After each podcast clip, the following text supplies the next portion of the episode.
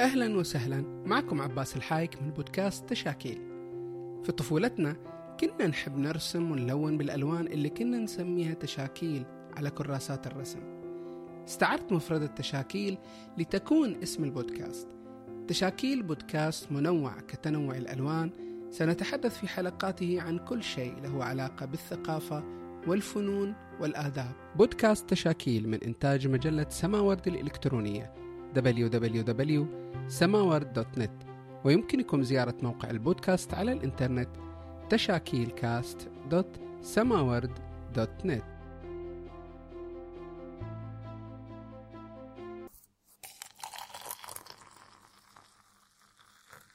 لما تسمع كلمة قهوة أو تشوف صورة فنجان أو حبات بن طبيعي راح توصل لدماغك رائحة القهوة الشهية.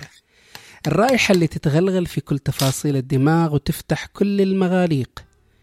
القهوة مشروب العصر وتحولت إلى سمة هذا الزمن فانتشرت المقاهي خاصة المختصة منها. وصار الشباب يستأنسوا بتصوير كوب القهوة. فلو بحثنا عن هاشتاج coffee باللغة الإنجليزية في موقع الصور الشهير الانستغرام لوجدنا ما يقارب من 116 مليون صورة على هذا الهاشتاج راح نشوف أشكال وأنواع من القهوة وطرق تحضيرها المختلفة. في نفس الوقت لما نبحث عن هاشتاج قهوة باللغة العربية راح نلاقي أكثر من ثلاثة مليون ونصف صورة وبذات الطريقة. أشكال من القهوة الإسبريسو القهوة التركية والأمريكية والكابتشينو لكن يغلب على الصور العربية ملازمة فنجان القهوة مع كتاب غلافة أو صفحة من صفحاته وكأن القهوة ملازمة للثقافة والقراءة لكن من وين جت هذه الملازمة بين الكتاب والقهوة؟ خلونا نرجع أول لتاريخ القهوة تاريخ هذا المشروب الساحر ونبحث عن علاقته بالثقافة في حكاية اكتشاف القهوة. هناك روايتان. أولها رواية ذكرها كتاب The World of Caffeine لبنت ألان وبوني بيليير أن راعي غنم إثيوبي اسمه خالدي في القرن التاسع في إثيوبيا لاحظ آثار النشاط والحيوية على قطيعه عندما تناول غنمه ثمرة تشبه التوت الأحمر الفاتح من بعض الشجيرات فمضغ هو نفس الثمرة فشعر بالبهجة. وهذا اللي دفع لجلب التوت إلى رجل دين مسلم لكن رفض استخدامها وألقى فيها في النار فخرجت منها رائحة مثيرة تسببت في دهشة من حضر الواقعة الذين قاموا بسحق الحبوب وذوبوها في الماء المغلي ليصنعوا أول فنجال قهوة في العالم. في الكتاب يرى الكاتبان أن هذه القصة أشبه بالأسطورة لأنها غير محققة ولم ترد في أي مصدر تاريخي مبكر. لكن في رواية ثانية عن اكتشاف القهوة ذكرت في عدة مصادر أن بعض شيوخ الصوفية هم اللي اكتشفوا حبات البن ونقلوها من اليمن إلى الشام. تذكر الرواية المتصوف الشيخ أبو بكر الشاذلي المعروف بالعيدروسي اللي هاجر من اليمن إلى دمشق واستقر فيها. واللي يعرف بأنه مبتكر القهوة لدرجة ارتباطها في البدايات باسمه كانت تسمى بالشاذلية. وحتى وقتنا الحالي تسمى القهوة بهالاسم في الجزائر. وقصة اكتشاف الشاذلي للقهوة ذكرها كتاب الشيخ نجم الدين الغزي في كتابه الكواكب السائرة بأعيان المئة العاشرة.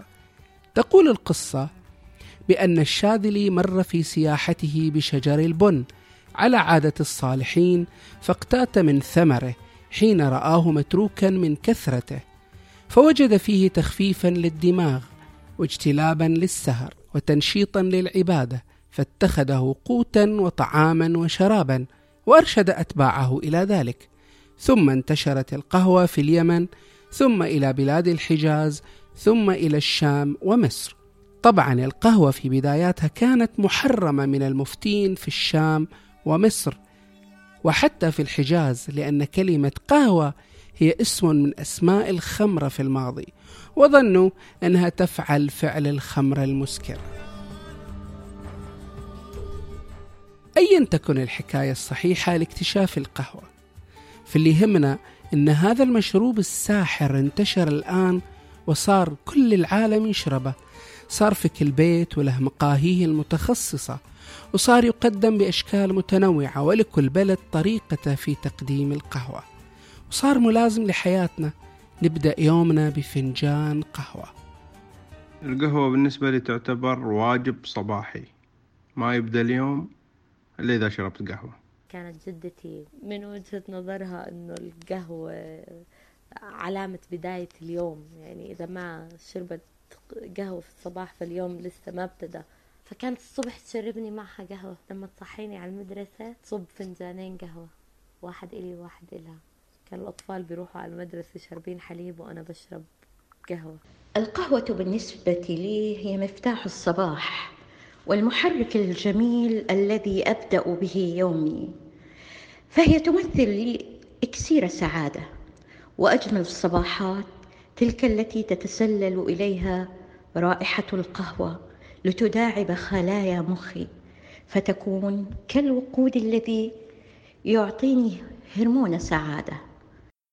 القهوة ورائحة القهوة هي صحبة لطيفة مؤنسة لا بد منها لبدء يوم العمل أو يوم الكتابة وهي تساعدني على أن أدخل إلى ذاتي وأجد نفسي. لا صباح بدون قهوة. فمع القهوة تبدأ الحكايات. ولكن ما حكاية العلاقة بين القهوة والثقافة؟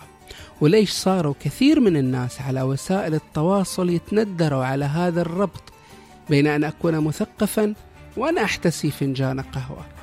طبعا تكرست هذه الصورة النمطية بسبب تزايد نشر صور أغلفة الكتب مع فناجين القهوة في برامج التواصل وبالذات عندنا كعرب وصل التندر أن تكون من ضمن مواصفات المثقف أن يحتسي فنجان قهوة.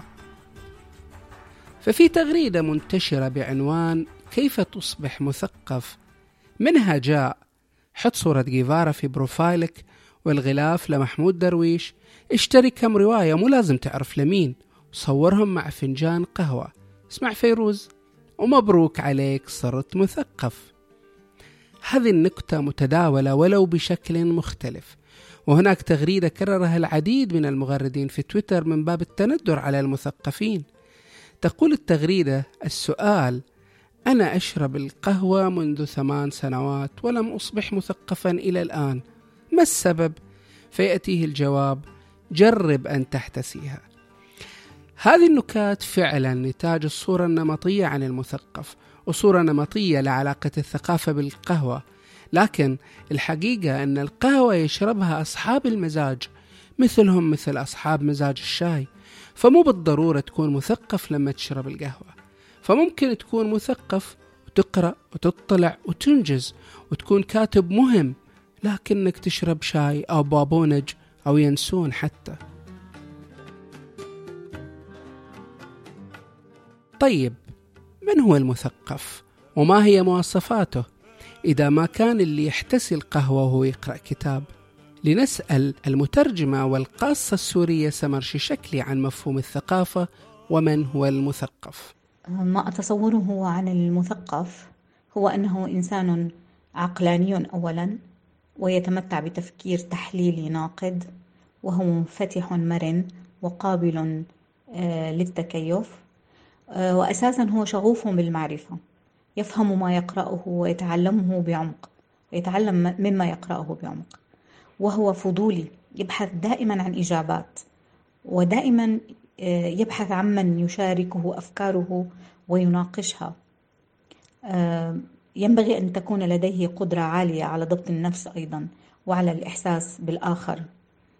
بسبب اكتسابه للمعرفة الواسعة فإنه ذو قدرة على تحليل مشاكل محيطه وتتكون عنده بصيرة نافذة لإيقاظ مجتمعه آه، بوضعه اليد على تلك المشاكل وتقديمه طرق لمعالجتها.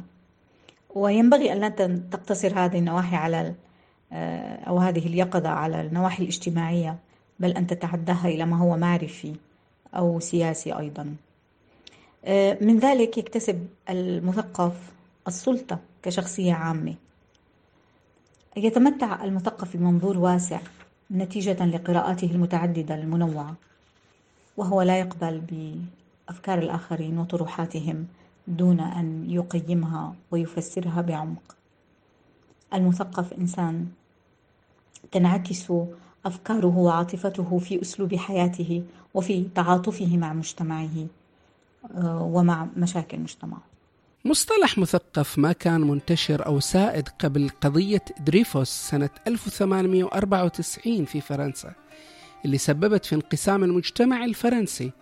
فألفريد دريفوس اتهم في قضية تجسس لصالح الإمبراطورية الألمانية. فانقسموا الفرنسيين بين فريق من العامة كان ضده ومع إدانته ومعاقبته بينما وقف فريق من نخبة الفكر والأدب دفاعا عن مظلوميته. وأطلقوا بيان المثقفين.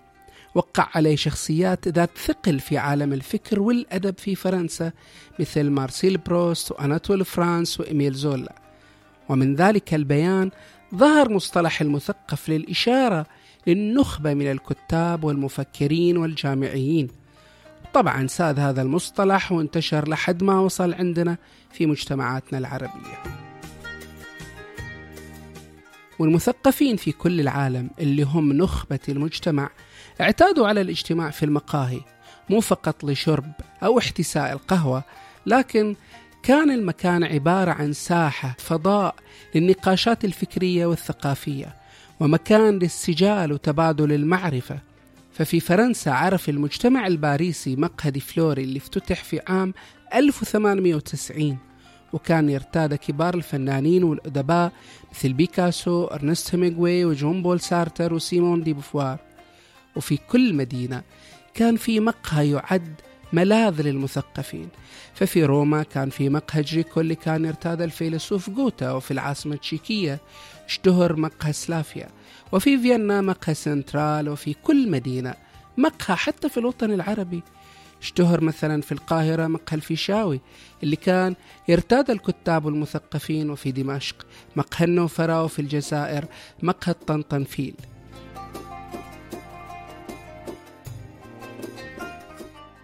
وبطبيعة الحال ارتبط المقهى بالقهوة دون أي مشروب آخر لأن أساس تأسيس المقهى كان مكانا لاحتساء القهوة وبدأت المقاهي في دمشق وكانت تسمى بيوت القهوة. أو حانات القهوة اللي وصفها الخياري المدني في كتابه تحفة الأدباء وسلوة الغرباء بقوله بأنها من ألطف ما تلحظه بالشام النواظر وتقر به العين ويروق الخاطر. استغفر الله قبل ما يكمل وصفه بأنها في ذلك القطر أعمر من الجوامع.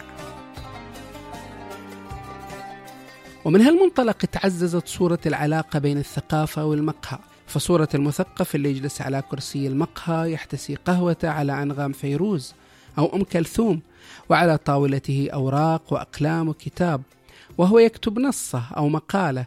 هذه الصورة نمطت العلاقة وتكرست في ذهنية الناس.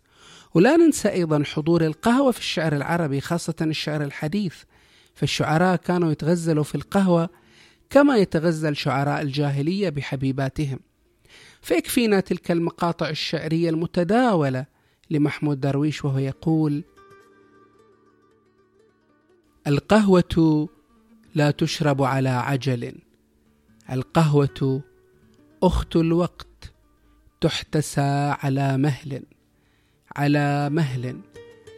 القهوة صوت المذاق صوت الرائحة القهوة تأمل وتغلغل في النفس وفي الذكريات والقهوة عادة تلازمها بعد السيجارة عادة أخرى هي الجريدة. لنسأل عن علاقة المثقف بالقهوة. المثقف آه، يعني يبذل مجهود كبير في القراءة والاطلاع آه، والكتابة وهو يحتاج لأن يكون أن يبقى ذهنه متيقظا آه، فترة طويلة ويعني تعينه على التركيز أيضا. فهو بحاجة إلى مادة آه، توفر له ذلك. وكانت كان الكافيين يعني أساسا هو المساعد على أن يعطيه الطاقة للاستمرار لفترات طويلة. آه، والكافيين طبعا موجود أكثر ما هو موجود في القهوة على حد علمنا إلى الآن أن القهوة هي المصدر الأساسي للكافيين. المنشط. هذا السبب. والسبب آه، الثاني يعني الذي جعلني أعتقد أن للثقافة علاقة عضوية مع القهوة هو سبب تاريخي. يعني منذ زمن بعيد وصلتنا أخبار عن مقاهي سواء كان في العالم الغربي أو في عالمنا العربي آه، أنها كانت مقاهي آه، تجمع هؤلاء المثقفين القارئين المهتمين. تجمعهم في مكان واحد للحوار والنقاش. كتاب مثل المسرحيين والروائيين والشعراء. آه، وكانت القهوة هي زادهم في هذا المكان.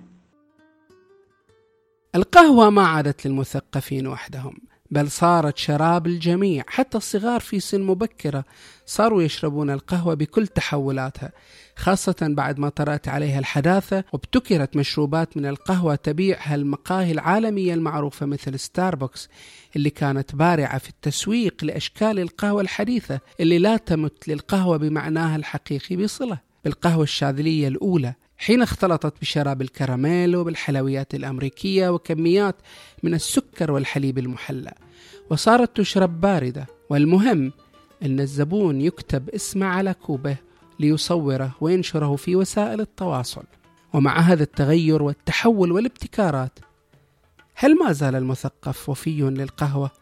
هل ما زالت حاضرة في يوميات الكتابة والقراءة؟ هل ما زال يرتاد المقاهي بعد أن تغيرت أجواؤها وتحولت للشكل الاستهلاكي السريع؟ لم يكن المثقف في يوم غير وفي للمقهى آه، فمعظم المثقفين على الأقل الذين أعرفهم يعني وأسمع عنهم يتوقون إلى هذا المقهى الذي يخرجهم من عزلة جدران آه، مكاتبهم وغرفهم الخاصة والذي يضيف لهم بعدا إنسانيا في الحراك الثقافي الذي يدور مع الحوارات التي تتناول أفكارهم وهمومهم وأحلام وأحلامهم كمثقفين. طبعا حسب اطلاعي كان المثقف أو المقهى علاقة حميمية مع المثقف. لكن على ما يبدو أن فترة من الفتور في هذه العلاقة مرت لأسباب كثيرة منها ظاهرة المثقف المدعي وتلك لها تعريف خاص قد يأخذ وقتا إضافيا في في بعد آخر.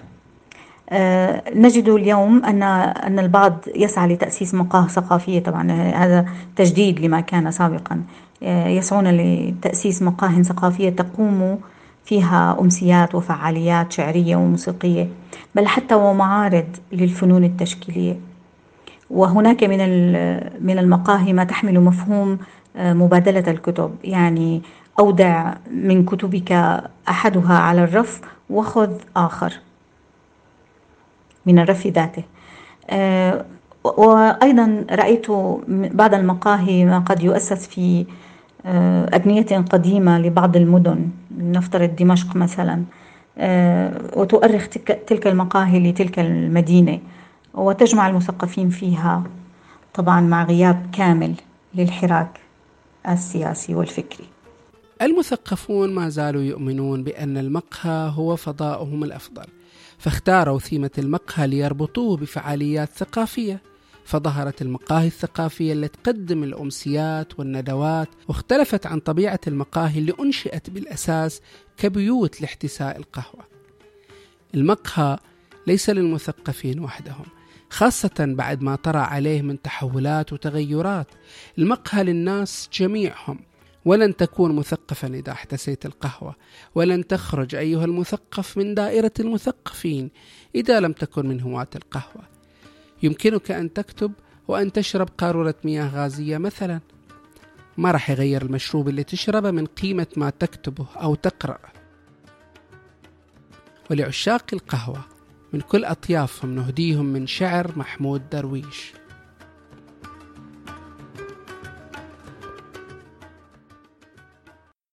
مقهى وأنت مع الجريدة جالس. لا لست وحدك. نصف كأسك فارغ والشمس تملأ نصفها الثاني. ومن خلف الزجاج ترى المشاة المسرعين ولا ترى إحدى صفات الغيب تلك ترى ولكن لا ترى. كم أنت حر أيها المنسي في المقهى فلا أحد يرى أثر الفراشة فيك لا أحد يحملق في ثيابك أو يدقق في ضبابك إن نظرت إلى فتاة وانكسرت أمامها.